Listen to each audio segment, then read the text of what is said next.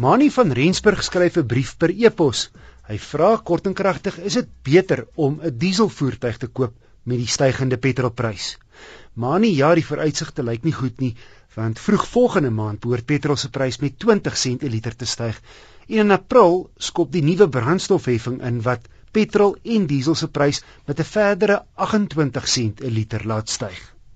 Jake Venter, 'n vryskut tegniese motorjoernalis, sê wanneer 'n mens diesel teen petrol opweeg, moet jy 'n finansiële berekening maak. Oor die algemeen die gemiddelde verskil in prys tussen dieselfde motor is omtrent R20000 meer vir die diesel.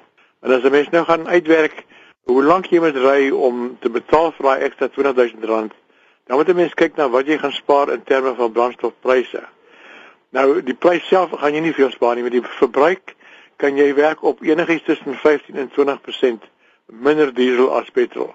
Dit min wat jy meer as 20% gaan spaar. So as jy mens werk op 20% besparing in brandstofonkoste, dan kan jy 'n sommetjie maak en dan sê jy dikwels gevind dat jy moet omtrent 60 70000 km per jaar doen voordat jy dit die moeite werd is om 'n diesel te koop. Want jy het ander oorwegings ook dat jy word dikwels meer gereeld gedien in die dienste kos jou meer geld. Weet jy een is vergewend. Hy sê vergewe as jy dit nie so goed so dikwels doen nie, maar dit sal jy nie vergewe nie.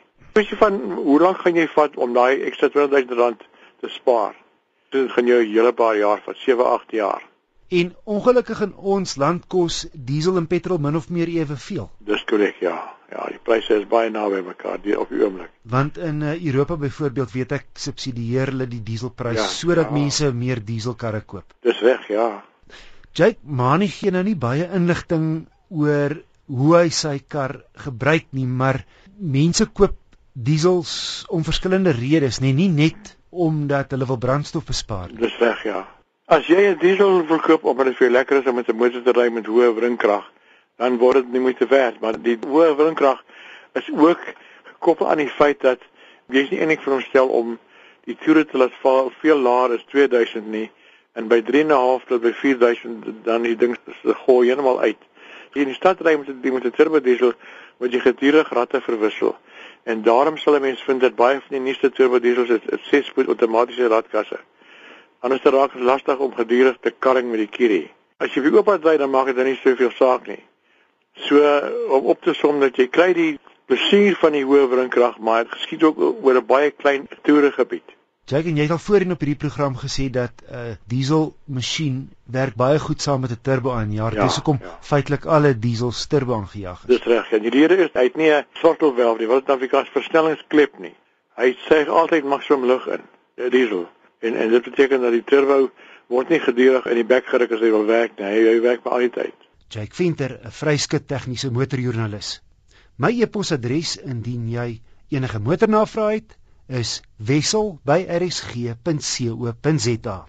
wissel@rsg.co.za. Lanklaas het ek 'n kar bestuur wat sulke uiteenlopende reaksie ontlok as Nissan se Juke. Voorlangs is die ligte en aardigheid. Sy hoof en flikkerligte sit reg bo op die enjinkap. En dan is daar twee groot ronde ligte aan weerskante van die sierrooster, soos die misligte van tydrenkarre in die 60 en 70er jare. Bultende wielbo, 'n hoë romplyn en 'n coupe-vorm met die handvatsels van die agterste deure weggesteek in die vensterrame gee hom 'n sportnuts, maar ook 'n sportmotor voorkoms. En onder die skuins agteruit ligte geïnspireer deur Nissan se 370Z sportmotor. Binne is die sentrale konsole van metaal en lyk kompleet soos die brandstoftank van 'n superfiets. Dis dieselfde kleur geverf as die buitekant van die Juke in die toetskar se geval grys, sodat dit nie juis uitgestaan soos die rooi wat ook te kry is nie. Drie stellings: Eco, Normal en Sport gee jou wisselende opsies vir die stuur, terugvoer en petrolpedaal reaksie. Inligting oor die verskillende stellings word op 'n sentrale skerm weergegee, soos die turbodruk, swaartekrag, wringkrag uitsette en petrolverbruik. Met die druk van 'n knop verander die monitor na die funksies van die klimaatbeheer. Soos in die groter Qashqai sit jy gemaklik voor en hoor as gewone sedans en luikere. Maar vanweë die coupe tipe agterkant is die spasie maar redelik beperk en die bagasieruim is klein. Ek het die topmodel in die reeks gery, die 6-spoed turbo aangejaagde Tecna. Die 1.6 turbo skop 'n allemintige 140 kW uit. Maar die turbo skop eers hier by 3000 toere in. Onder 2500 voel hy soos 'n gewone 1.6. Eers by 2500 toere begin die turbo aan jaar saamgesels. Plant jou voet en vanaf 3000 is daar vuurwerke. Kar het die 0 na 100 loopie in 8.3 sekondes afgelê. En Topcar in net 7.8 sekondes. daarmee saam hanteer die Juke ook indrukwekkend ondanks die hoër bakwerk tipies van 'n oorkruisvoertuig. Die topmodel kos net onder 260 000 rand, maar hy kom daarmee met 'n lang lys leksede, onder meer leersitplekke wat verwarm kan word, 17 duim alloy wiele, sleutellose toegang, togbeheer, outomatiese reënveers en ligte, al die nodige klank- en telefoonfunksies en veiligheidskenmerke en 'n diensplan van 3 jaar of 90000 km.